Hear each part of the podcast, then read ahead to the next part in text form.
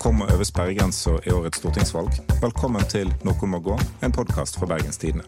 Mitt navn er Morten Myksvold, og med meg i studio har jeg Jens Kiel.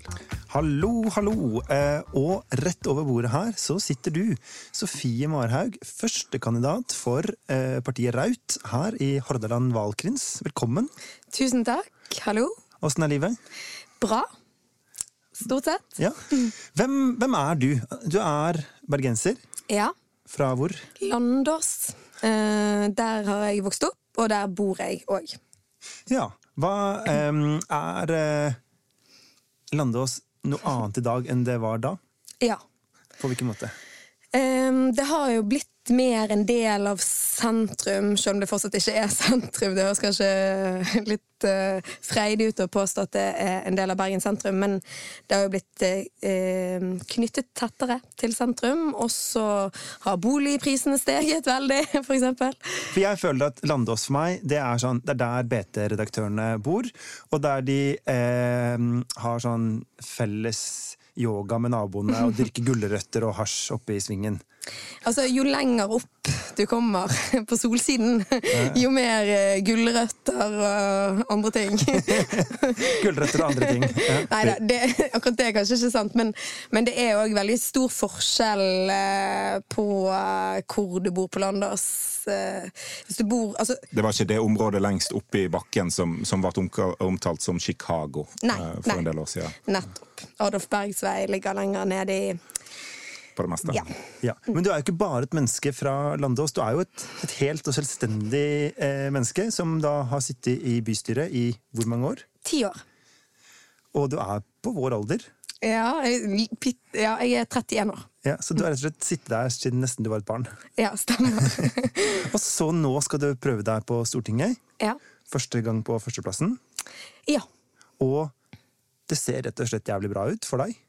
Ja, det er jo veldig gledelig for meg uh, å være med på at det går uh, veldig bra da, for Rødt. BT hadde en måling i juni der Rødt fikk 5% i Hordaland, og en ligger òg an til å komme over sperregrensa nasjonalt, i hvert fall sånn som målingene ser ut nå. Men jeg syns jo, for at eh, veldig mange i eh, si Oslo-pressa da, eh, mm. har jo skrevet mye om eh, en annen førstekandidat på Vestlandet for partiet Rødt, nemlig Mimir Kristiansson i Rogaland. Eh, men du har liksom vært litt mer i skyggen, men din framgang fra forrige valg er vel minst like stor som hans, egentlig? Nei, Nei vi ligger bedre an i Hordaland enn i Rogaland. Ja. Vi ligger jo eh, an til å få et direktemandat her.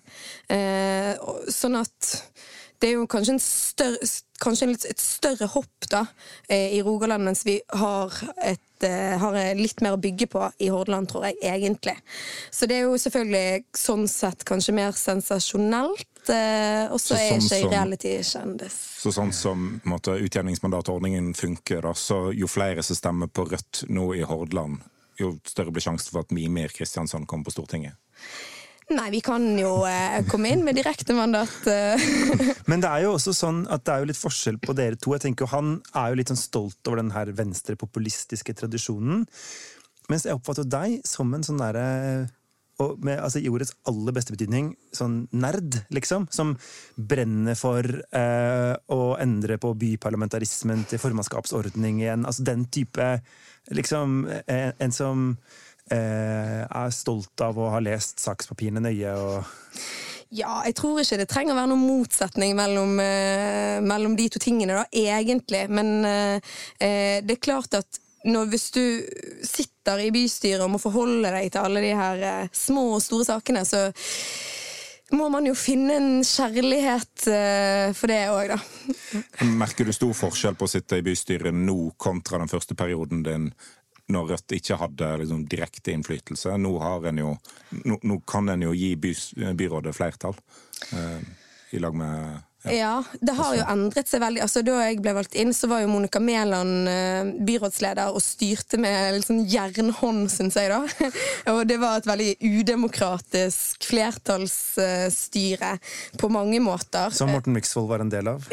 Stemmer. jeg ble valgt inn i bystyret samtidig, så Sofie ja. Hvordan, eh, hvordan, så du på Sofie den gangen? Rebelsk, masete damer? Ja, men de var det jo mange av i bystyret. Ja. Eh, så det, det, var ikke bare Rødt uh, som, som, hadde det. Nei. Hvordan så du på Myksvold her? Um, nei, sånn vestlandsk uh, fyr. Mutt, nei. men, um, men så har jo ja. Dresskledd, Dresskledd, ja. Det var liksom kulturforskjell. Jeg det var rart med alle de mennene på høyresiden som gikk med dress og sånn pene klær. Og det synes jeg så, så, litt sånn Det er litt sånn subkulturaktige ting ja. på høyresiden. Ja. Men jeg syns på en måte du, det er viktig at vi dømmer eh, Morten for meningene hans, og ikke bare liksom at mm. altså, menn er mer enn ytre. Eh, ja. kvaliteter. Jeg er jo for å objektivisere menn litt. Nei, nei, jeg bare tuller. Tulla du bare? nei, men jeg er for at altså, for rikelig med kommentarer på eh, klærne jeg går med, og eh, sånn at uh, det må jo andre kanskje ikke leve med, men ikke jeg heller, da. Men um, Nei, meningene Du var jo litt sånn Du meldte deg jo ut i den perioden og, og var litt sånn løs kanon etter hvert, da. Ja. Så ja. Uh, det var litt ymse. Det var litt ymse. Mitt uh, Altså Å, nå sto det helt stille for meg. Uh, Buskerud Senterparti, førstekandidaten. Lundteigen. Ja. ja.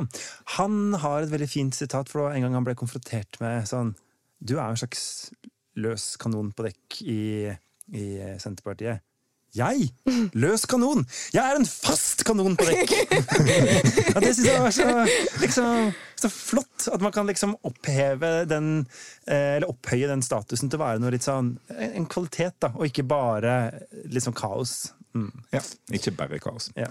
Faste kanoner på dekk har de også med å få eh, plass i kommentaravdelinga i Bergens Tidende. Ja, det er på en måte der en ender opp, da. Hva er, eh, hva er hjertesaken din i, i Rødt, egentlig? Um, altså, jeg liker ikke det ordet hjertesak, det kan du bare si med en gang. Men, Hva er hjernesaken, hjernesaken min? Nei. Ja. Eh, det, er, det, er, så kjedelig og så viktig som å redusere de økonomiske forskjellene. Mm. Der er jeg veldig på linje med mitt eget parti, faktisk. Jeg syns wow. uh, ja, det er ganske overraskende etter å ha vært med i det i 15 år. Uh, nei, men jeg syns det er veldig viktig, og jeg syns at Rødt klarer å um, snakke om klasse mer enn de andre partiene, og på en, en måte som jeg faktisk tror treffer en del folk, da. Mm. Tror du at det argumentet treffer folk bedre i 2021 etter et år med koronapermitteringer og ja. uh, utbetalinger til bedrifter og sånt ja. enn tidligere? Ja, jeg tror at det er medvirkende til, eh, til at flere får øynene opp for uh, Rødt. At de ja, snakker om en hverdag de kjenner igjen, da. Men på den annen side så er det faktisk så riktig det som eh, Erna Solberg sa, da. At eh, selv om det var utrolig provoserende òg, for det var så arrogant. Eh, men hun sa jo at det kan jo hende at folk ikke hadde råd til mat før pandemien heller, når hun så den køen utenfor Fattighuset i Oslo og ble konfrontert med det. Men det er jo Eh, litt sant òg, fordi barnefattigdommen, eh, som egentlig er foreldrefattigdom, eh, har jo økt jevnt og trutt hvert eneste år mens Erna Solberg har vært statsminister. Så det skjer jo på hennes vakt, da. Men det blir jo kanskje litt synligere når liksom, ja, veldig veldig mange på kort tid blir permittert. Mm. Og mange kjenner folk som, som blir det. Da, ja. da, treffer du litt nærmere enn den fattigdommen som Erna Solberg nok har rett i var der før òg. Mm. Ja, og så tror jeg folk òg oppdager det der med at Nav er utrolig stress. Når de plutselig må begynne å søke om hjelp der, og, og oppdager det at det er ikke sånn at folk eh, går på Nav på gøy. At det ikke er noe sånn her eh, det, Altså, den ulykken, da, enten du blir syk eller uh, mister jobben, bare, det kan ramme hvem som helst, når som helst, og da trenger vi en sterk velferdsstat. Altså, eh, Rimi Hagen mm. altså, Rimi fins jo ikke lenger, da, men mm. mannen fins jo. Mm. Eh, forklarte oss jo at, at, det er ganske vanlig blant ungdom nå at de sier at de vil se for seg en framtid hvor de bare skal gå på Nav. Mm. Eh, og han har nok mer kontakt med arbeiderklasseungdom enn, enn, det vi har. Han har sikkert gått litt rundt og, og, og sjekka opp i dette her, for han ville jo ikke sagt det hvis det ikke var sant. eh, er det ditt inntrykk også? Mitt inntrykk er at uh, Stein Erik Hagen ikke har bruk for velferdsstaten, og da uh, ser han ikke vitsen med velferdsstaten. Og det er jo helt uh, forståelig, det, for han har jo rikelig med penger. Så da kan han jo slenge rundt seg med sånne grunnløse påstander. Men det er jo veldig frekt, egentlig. Det, jeg synes det er ganske langt over streken, men han har jo ytringsfrihet, han òg. Det, jeg tenker at Vi har liksom havna i den grøfta av samfunnsdebatten at hver gang vi sier at vi er uenige med noen, så er det å legge til sånn Jeg mener ikke da at vedkommende skal bli knebla, jeg bare er uenig. Herregud. Det er et klipp av Jens vi nå skal legge til hver gang i denne poden eh, når han sier at han er uenig med noen. Da skal vi Men, påpeke ja. deres ytringsfrihet. Jeg, jeg, tror heller at jeg skal bare sette opp en liste over alle som burde vært knebla, og det er en god del folk. Nei, og, men det som eh, Stein Erik Agen aldri, aldri, trenger å gjøre, da, det så jeg at hun Elisabeth eh, Thorsen påpekte. Hun som er da leder i AAP-aksjonen, som er en eh, aksjon for folk som eh, er, bruker Nav på forskjellige mm. måter. Ja. ja.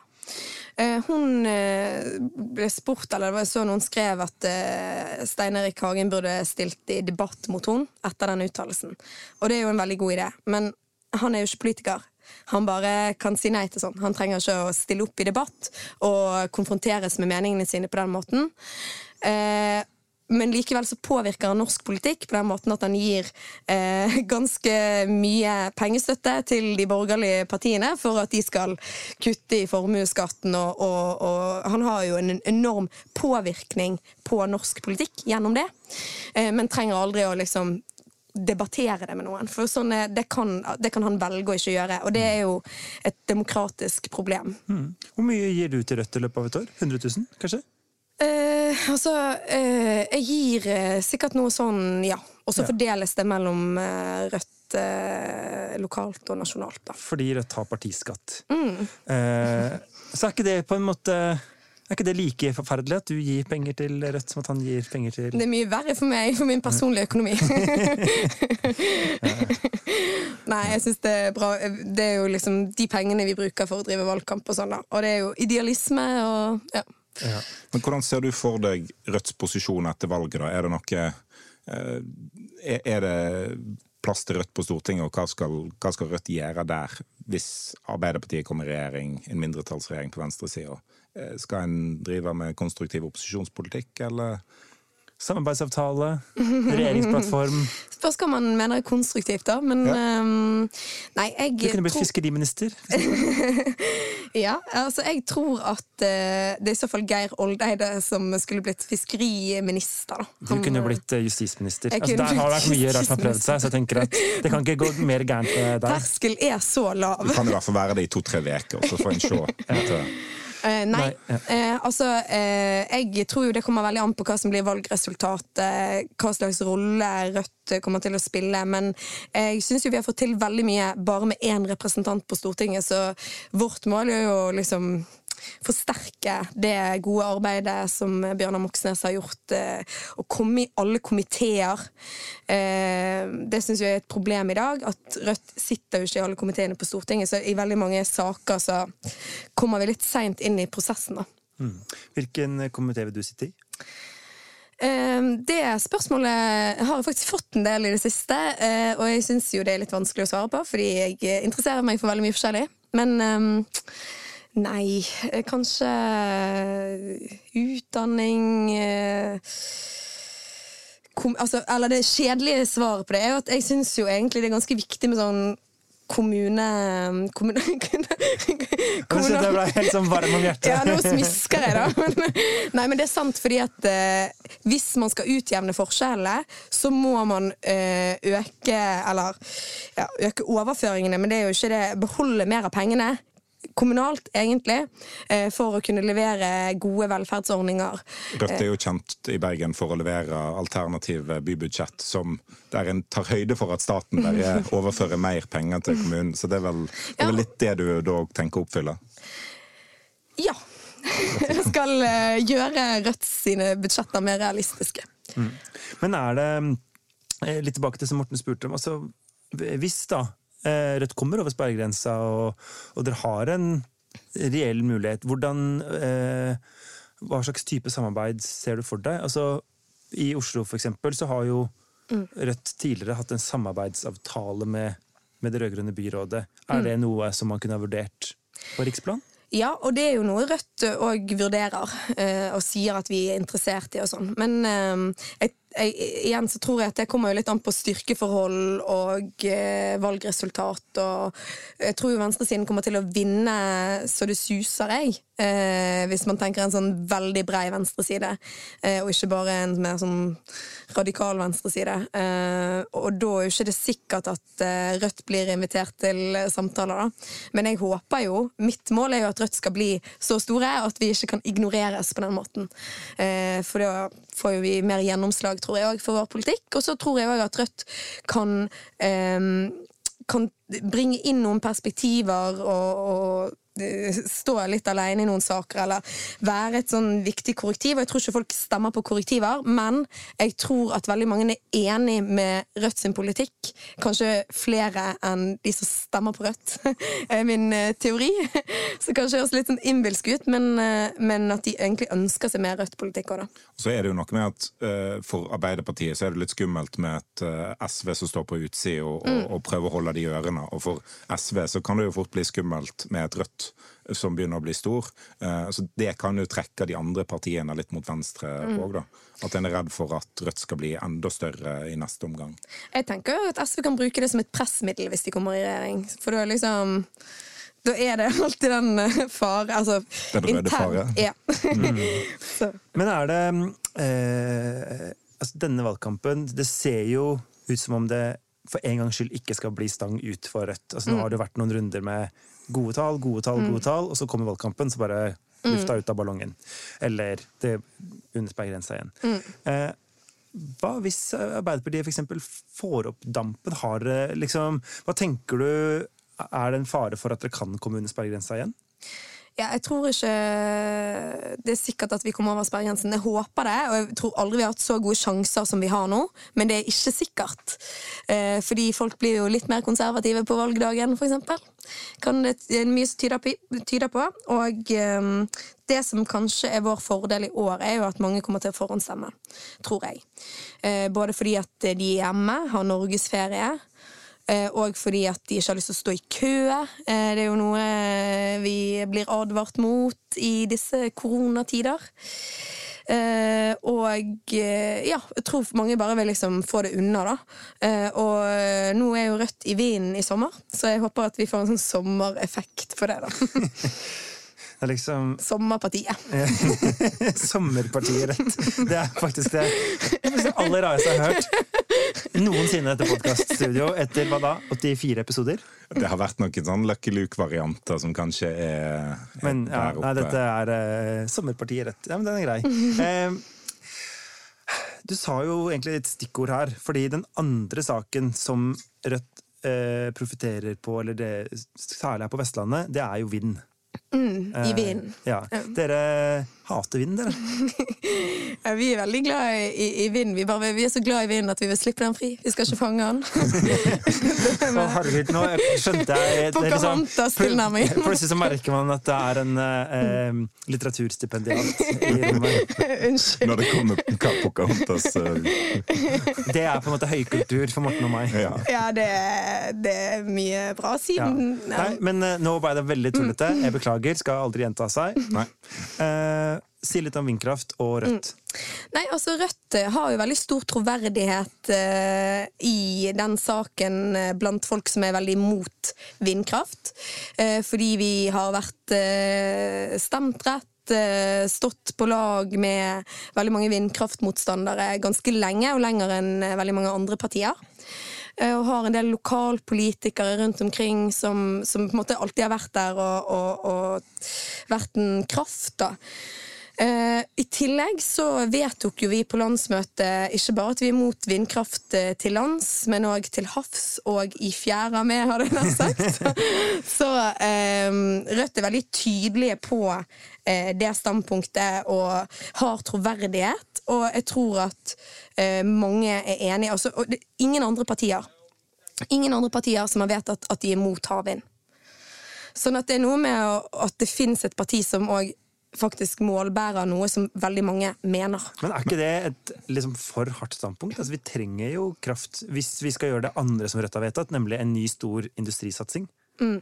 Altså nå, eh, Med de mest positive anslagene for hvor mange arbeidsplasser f.eks. Eh, vindkraft, eh, havvindindustrien vil medføre, så er det ifølge Menon da, jeg tror det er noe sånn som 5000 arbeidsplasser innen 2050. Men de vil jo produsere strøm som kan brukes til ja. å gi ganske mange arbeidsplasser. Ja. Eh, det er klart at eh, det er en del kraftproduksjon i eh, vindkraft, eh, åpenbart. Men det er jo det òg i vannkraft og i solenergi. og ikke minst det viktigste, nemlig at vi ikke trenger å produsere veldig veldig mye mer kraft eh, for å eksportere og forbruke og vokse oss inn i himmelen. Da. Det er jo det som er egentlig elefanten i rommet. Vi oppfører oss jo som om vi bare kan forbruke oss inn i, ut, altså inn i evigheten. Men det er jo ikke all ny uh, av vindkraft for eksempel, som handler om at vi skal ha uh, vekst på strømproduksjon. Det handler jo òg om å bytte ut kraftproduksjon i andre deler av Europa. At uh, Norge bidrar til at Storbritannia nesten, i, i perioder i hvert fall, nesten ikke bruker kullkraft. Mm.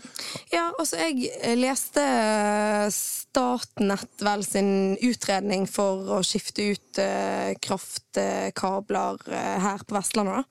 Og da er grunnpremisset vi skal forbruke mer. Mm. Det kommer et økt forbruk. Mm. Så det er litt eh, det det er, jo sant at, eh, at man kun kan tenke seg at man skal bytte ut noe energi med annen energi. Eh, man skal eksportere energi og sånn. Men for det første så går jo det på bekostning noen steder av kraftkrevende industri på fastlandet. Eh, og som, som, er en problematikk i seg sjøl. Hva slags type arbeidskrafter skal vi ha? Skal vi være en råvareprodusent, eller skal vi ha eh, foredle industri på Vestlandet? Eh, det er ett, eh, en problemstilling for seg sjøl. Men den andre problemstillingen er jo nettopp at vi skal produsere mer, forbruke mer, eksportere mer.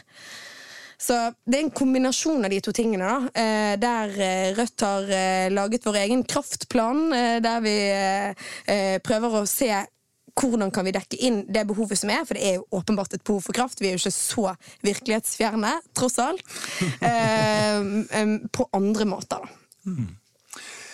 Jo, vi hadde jo en sak før sommeren mm. eh, hvor du ble spurt om vi har en vi, vi, fant en velger som har gått fra Venstre til eh, Rødt, og du mm. klarte å gjette hva saken måtte være, og det var vindkraft. Mm. Eh, hvorfor har den saken blitt så stor i så mange forskjellige leirer mm. de siste åra, egentlig? Altså for hvis du går noen år tilbake, så var jo egentlig eh, vindkraft litt sånn Ja, det er det nye store, og det blir kjempebra. Det var et eventyr, det.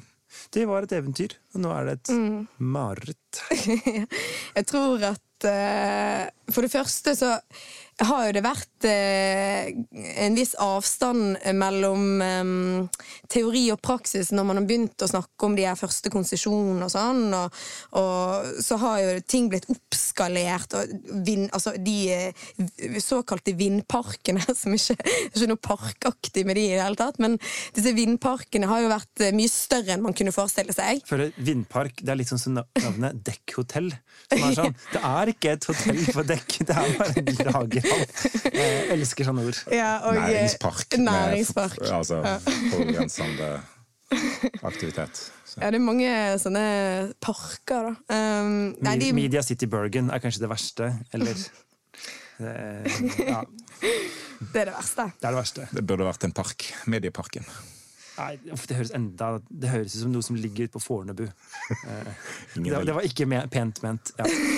Tilbake til studio. Ja. ja. Nei, um, det er jo mye større og mer pragende. Og så kommer jo ikke kraften og inntektene og sånn tilbake til lokalsamfunnet heller. Hele skattesystemet har vært innrettet på en veldig ugunstig måte for kommunene. Gunstig måte for grunneierne idet de selger, selger, seg ut da, og, og, og overlater eh, eh, kraften og naturen til eh, til noen andre. Da. Mm. Eh, det tror jeg er noe av det. Og så eh, syns Altså, ja, folk kan sikkert være litt sånn estetikk og sånn òg, men jeg kjenner litt til den motstanden fra før av. Jeg har jo slekt i noe slekt i Austevoll. Og for eh, sikkert 15-20 år siden så klarte de å stoppe de konsesjonene der, og da var det veldig mange sånn en bred allianse av folk som gikk rundt og samlet inn underskrifter og fikk snudd den saken. Um, og, og da da var jo det en del altså fiskeri altså mange, mange, forskjellige interesser og sånne som står opp mot hverandre. Ikke bare liksom at det ser stygt ut. da. Mm. Mm. Er, det, eh, er det andre saker som tenker er sånn åh, oh, det hadde vært så utrolig digg for oss hvis valgkampen handla om det? Ja. Jeg syns det er veldig bra når valgkampen handler om eh, handler om sånn uføre og fattige fordi Rødt har veldig god politikk på liksom for, for å, å, snu litt på, på, noen av de eh, verste utslagene av mm. Men jeg tenker jo at det, sånn, altså det, holder jo på en måte ikke alltid å ha en bra politikk, hvis du skjønner. Mm. Altså sånn, mitt, øh, hvis, jeg tror at du vil mene f.eks. Mm. at Rødt har en veldig god distriktspolitikk, mm. uh, men Uh, og, og, og, jeg tror alle kan være enige om at måte, denne, mm. denne regjeringa har liksom ikke basert seg på støtte fra Rødt for sine forskjellige strukturreformer i offentlig mm. sektor.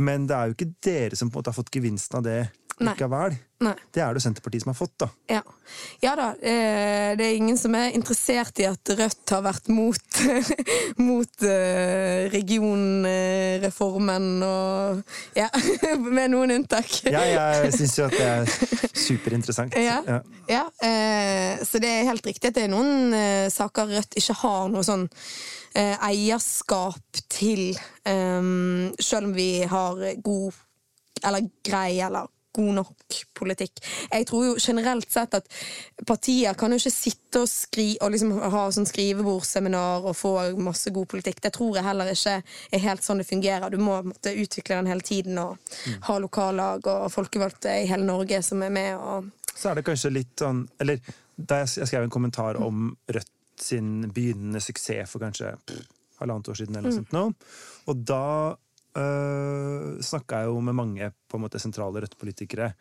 og de sa jo at noe av det viktigste de har gjort, er jo nettopp å tørre å velge vekk saker. At mm.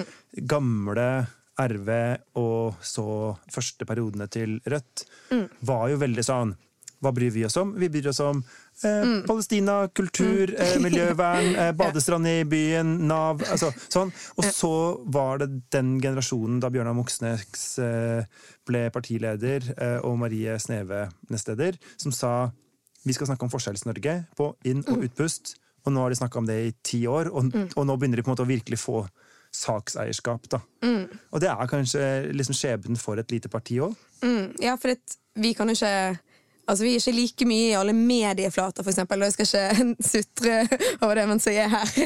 Men... Hvorfor ikke? Det er noe her du, Nå kan de jo sutre.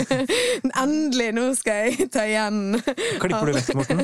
Nei, jeg bare syns det er bra at hun bruker tida si på å sutre at hun ikke slipper til når hun slipper til. Ja, det er jo bare gøy. Den, eh, det kan jeg jo ikke gjøre. Men det gjør jo òg at da er det ekstra viktig hva vi sier når vi ja. får muligheten til å si noe.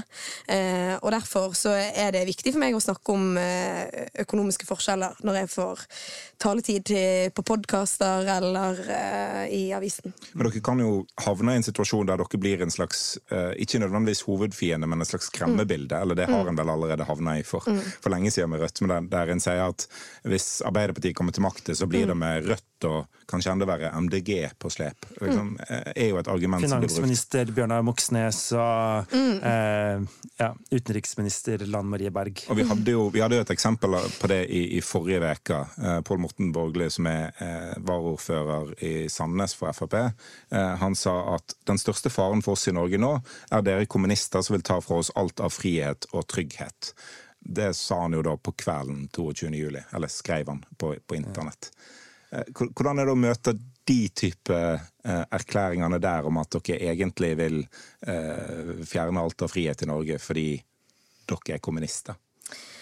Ja, jeg tror jo det kommunistspøkelset alltid kommer til å liksom dukke opp, da. Jeg tror ikke vi kan eh, helgardere oss mot det. Ikke minst fordi at òg Rødt har jo Eller forløperne våre har jo ment mye forskjellig som vi er nødt til å forholde oss til og, og ta avstand fra og ja, være bevisst på, da. Mens høyresiden ikke like ofte konfronteres med ting de har ment og gjort i fortiden. da. Men jeg tenker jo at først og fremst er jo det veldig frekt å gjøre det på 22. juli. Veldig rart.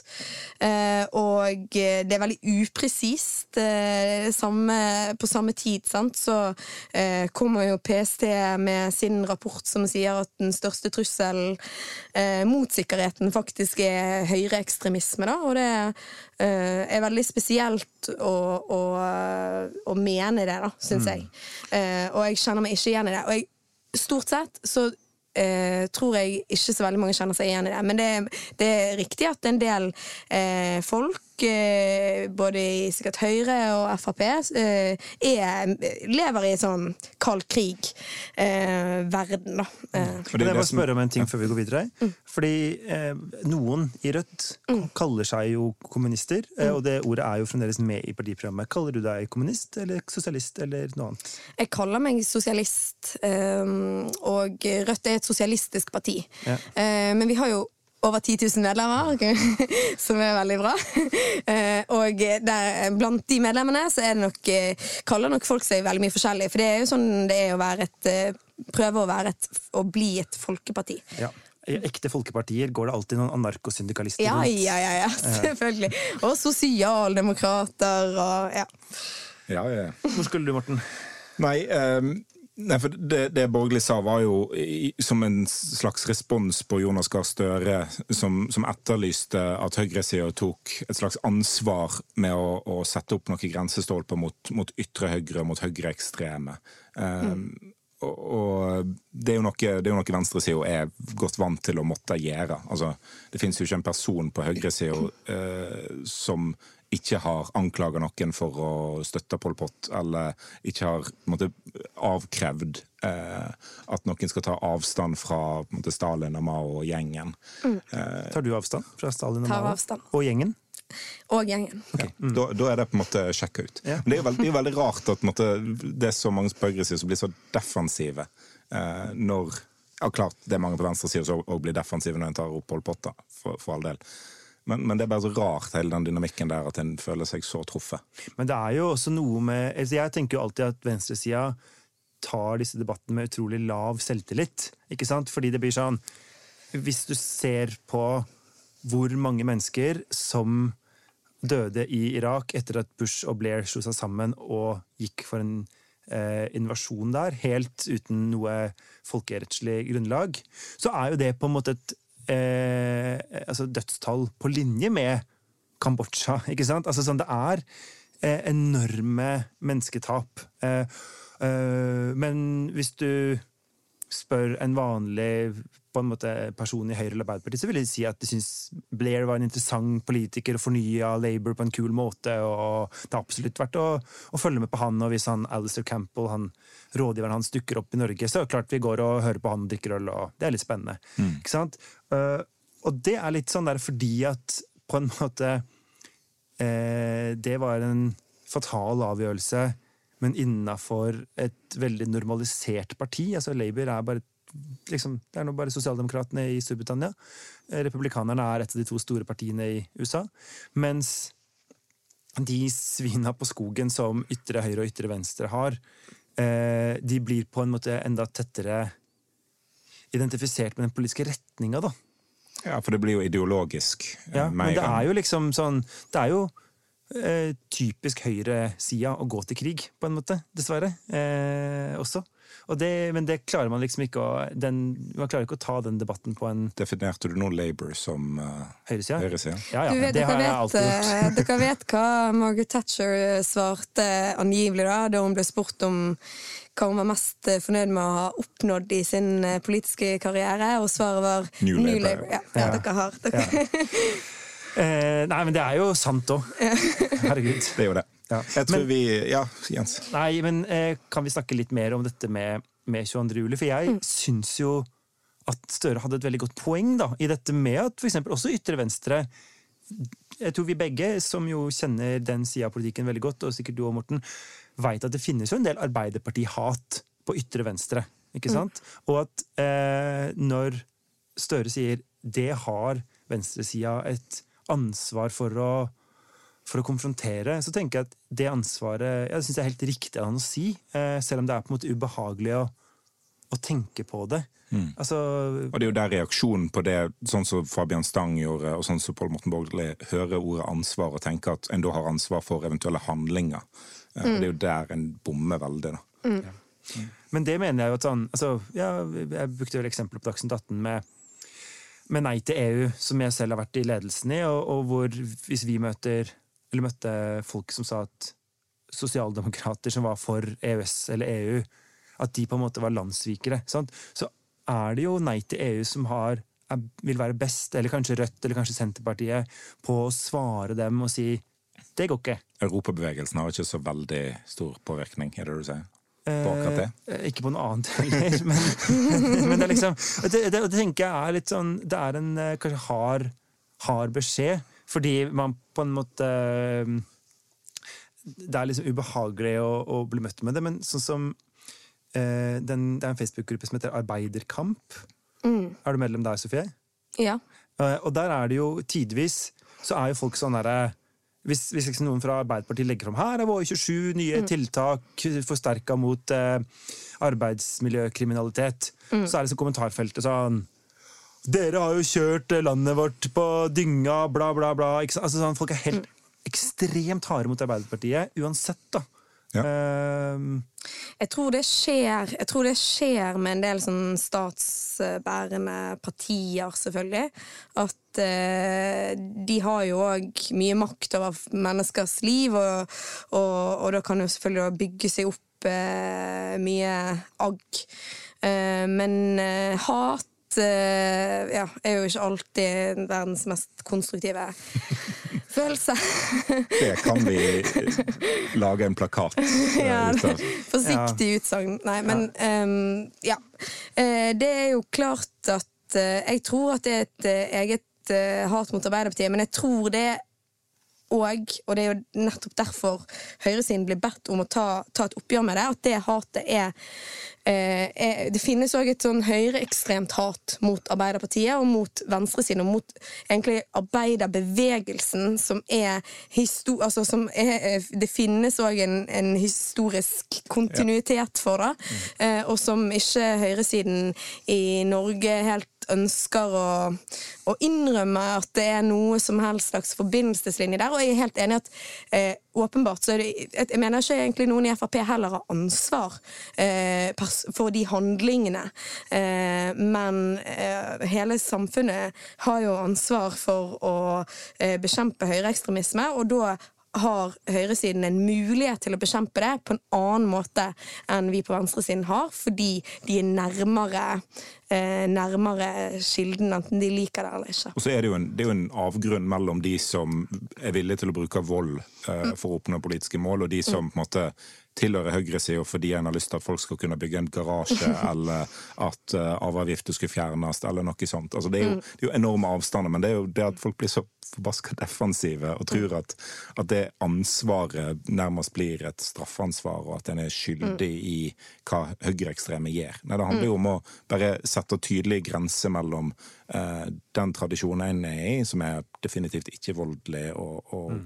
bare liksom, politisk, og det ekstreme som, som tror, av og til får utslag. Ja, Men jeg tror jo også at sånne som Rødt har blitt mer bevisst på språkbruken om Arbeiderpartiet de mm. ti åra som har gått. Altså sånn mm. som at I Rødts tidligere programmer så har det jo stått noe om på en måte ledelsen i LO og Arbeiderpartiet og sånn, som har vært veldig Pampeformuleringen. ja, og litt sånn derre Den gamle debatten på, på den radikale venstresida om den taktiske og den faktiske hovedfienden, på en måte, hvor man har sett på Arbeiderpartiet som en, ja, som en, som en motstander.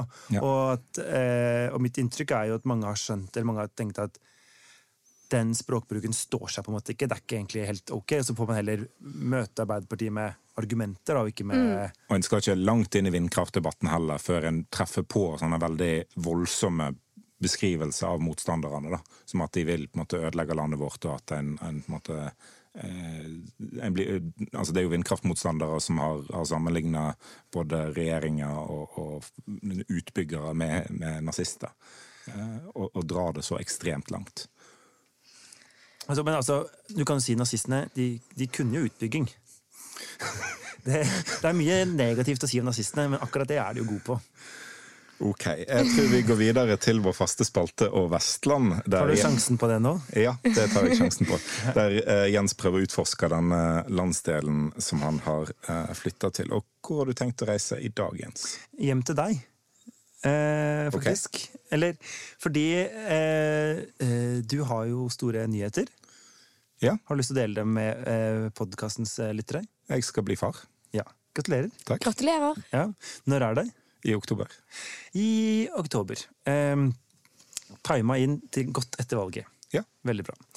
Eh, og, og pappaperm på sommeren. Så ting fungerer. Det, altså, dette konseptet med altså Det som jeg ikke skjønner at ikke damene har forstått, er at det der med at alle nå prøver å time seg til etter 1. august, for dette må rekke eller treffer rundt 1. august for å rekke barnehageopptaket. Det er ikke derfor en gjør det. Det er for at mamma skal få pappaperm om sommeren. Ja, ja, Det er helt utrolig sprøtt. Men det er Greit nok. I hvert fall. Eh, dette leder meg litt inn til å tenke på noe som eh, to eh, flotte, kloke målkvinner, Ingvild Eide Leirfall og Kine Gjertrud Svori, skrev på Twitter litt sånn på forsommeren, nemlig konseptet vestlandspappa. Ja. Ikke sant? Altså sånn som eh, Hva hvordan kan man fortelle vestlandspappa at man av og til er inne, selv om det er godt vær ute? Eh, ikke sant? Og hvordan, hvordan kan man eh, finne ut Hva kjøper man til vestlandspappa? Som, det var hun Kine som skrev at å google 'daddy birthday gift' noe, da får du opp veldig andre svar enn det du trenger til vestlandspappa på bygda. Ja, du, du, får ikke opp motorolje eller liksom, nytt blad til motorsaget eh, på Dad Nei. Gifts. Så hva tenker du, Sofie? Hvem, hvem, er vestlandspappa, og hvordan kan Morten bli en god variant av den? Um, det er jo et uh, godt spørsmål. Um, jeg har jo en bergenspappa. Uh, så er det noe helt annet. det, det, er bare tilfeldigheter som gjør at Bergen er på Vestlandet. Ja, pappa Plapp. Altså, pappa er jo mer en sånn her snakk fyr, liksom. Og så, det, ja, ikke sånn mutt det som jeg tenker på som sånn vestlandspappa. Sånn ja. Sier han f.eks. at han er glad i deg?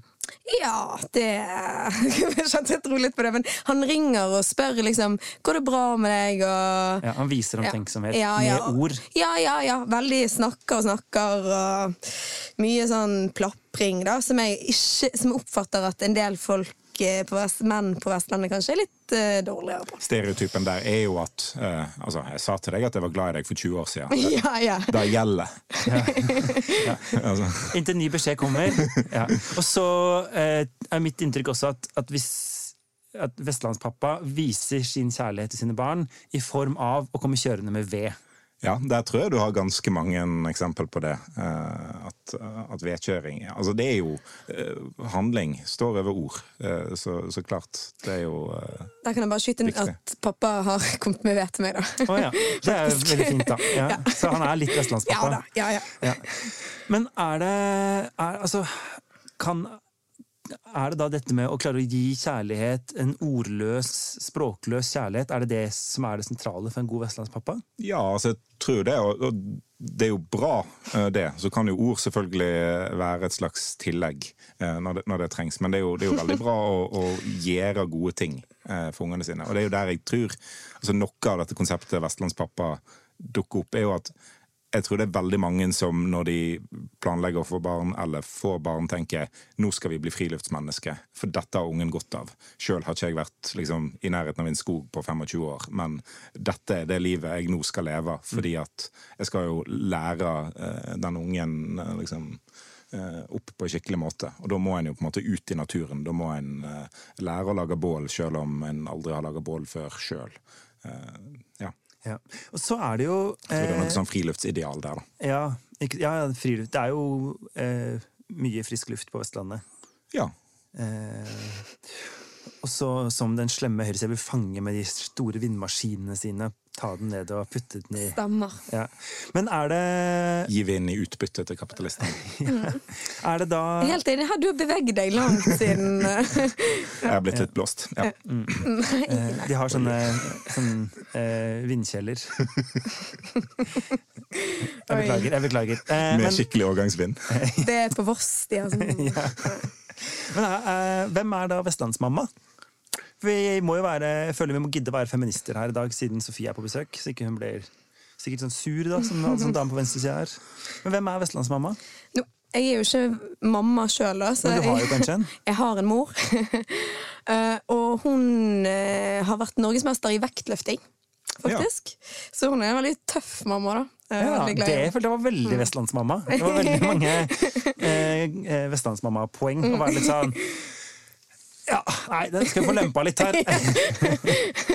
Så, og hun òg viser ofte at hun er glad i meg med mer sånn eh, At hun lager ting, da, men hun er kunstner òg, så Så kommer keramikk eller et eller Ja, eller eh, Hun lager, bygger liksom møbler og sånn òg, faktisk. Så Ja. hun, er, ja, hun, er veldig, hun er veldig bra feministisk forbilde, egentlig. Ja. Er det Tenker du det er det eh, Astrid må gjøre? Bygge noen møbler til ungen? Veie litt opp. Ja, det er jo det er et godt innspill. Er hun fra Vestlandet, forresten? Nei, hun er fra Østlandet. Hun har vokst opp ved Mjøsas bredd. Ja, Men eh, liksom, Toten-området er jo på en måte Østlandets Vestland. Ja. Ja, det er veldig fokus på språkløs kjærlighet. Ja. Eh, så jeg har liksom sett eh, Altså, det har vært scene på Toten og, og i Biri-traktene der, der det, liksom, det er stillhet, men en skjønner hva en sier. Ja. Eh, og det, det er sånn det er på Strideland òg. Men til, til Kines spørsmål. Ja. Eh, hva gir man til vestlandspappa? Hva blir vestlandspappa glad for i bursdagspresang? Nei eh, Jeg tenker i hvert fall at Min far er jo fra Namdalen, og det er jo mye det samme. Og eh, lokalhistoriske bøker, Ja. det slår aldri feil. Ja, jeg, jeg tror det er òg Jeg ønsker meg en sånn lokalhistorisk bok for sånn Ytre Sandviken nå. Ja. Eh, fordi et, sånn, sånn blir det jo. Jeg tror jo dette konseptet vestlandspappa bare er på en måte bygdepappa. At det ikke er så geografisk, eh, annet enn at det er til forskjell fra by. eh, byfolk, At det er ikke så- unikt for Vestlandet. Ja, for sånn ja, Namdalen, eh, Mjøsatraktene, eh, sikkert en del oppe i nord. At Men jeg tror jo at det er litt den samme Ja, jeg tror jo likevel da, at det er for eksempel Det er jo noen ting eh, med det at, at så store deler av Vestlandet er bygd, ikke sant? mens Østlandet er jo veldig mye mer by. sånn at veldig mange her ja, de, har, de har ved. Det er dårlig vær. Det er eh, Mange av- i foreldregenerasjonen har manuelle jobber. Altså, det er jo eh, Hva skal jeg si Det er rett og slett handy å være handy. Eh, Ja. Mens der hvor jeg kommer fra, så er det litt sånn kan, Det er fint å være nevenyttig, men du kommer jo ikke så eh, altså, liksom, Vi har har, ikke, 120 kvadratmeter gressplen og to kirsebærtrær. Det er liksom begrensa hvor, hvor mye handiness du kan utøve i Ullevål Hageby. Ja, Melder jeg. det er sterkt meldt. Ja. Nei, men eh, Bra. Da sier vi bare gratulerer. Jo. Eh, og så eh, kommer vi tilbake i og, og, ja, hvert femte år med rapporter på åssen eh, Hvordan utviklingen er. det vestnorske foreldreskapet Det blir sikkert kortere og kortere innslag, vil jeg tro. ja. Og kjærlighetserklæringer. Ja, Mange. ok, da går vi videre. Før vi avslutter, er det noen som må gå denne uka? ja, er det egentlig det? Patriarkatet, kanskje? Eh, Ja, Har de gjort noe spesielt denne veka? Eh, altså jeg syns jo at noen av disse antikommunistene, da, uh, selverklærte, syns jeg bør skjerpe seg ganske kraftig, særlig på 22. juli. Og ja, gå i seg sjøl. Bra, da har vi en liten liste. Innspill. Andre innspill og tilbakemeldinger kan sendes Og til nybygde møbler. ja, kan nei, Det er vanskelig å sende det på e-post. Nei, kom igjen. Du kan sende bilde av det til nmg-bt.no eller i Facebook-gruppa Noen må gå. Vi er tilbake med vanlige episoder uten gjester neste uke. Satser vi på. Vet du det? Eh, Nei, altså Jeg bare slenger det ut. Ok. Litt sånn rim i hagen. Intromusikk det var bergensere av Bjørn Torske. Produsent er Henrik Svanevik. Du finner podden i BT-appen eller hvor enn du laster ned podkaster fra verdensveven, så lenge ikke kommunistene tar det fra oss. Altså. All trygghet og frihet. All trygghet forsvinner, til og med internett. Det trygge internett. Ha det bra. Sayonara.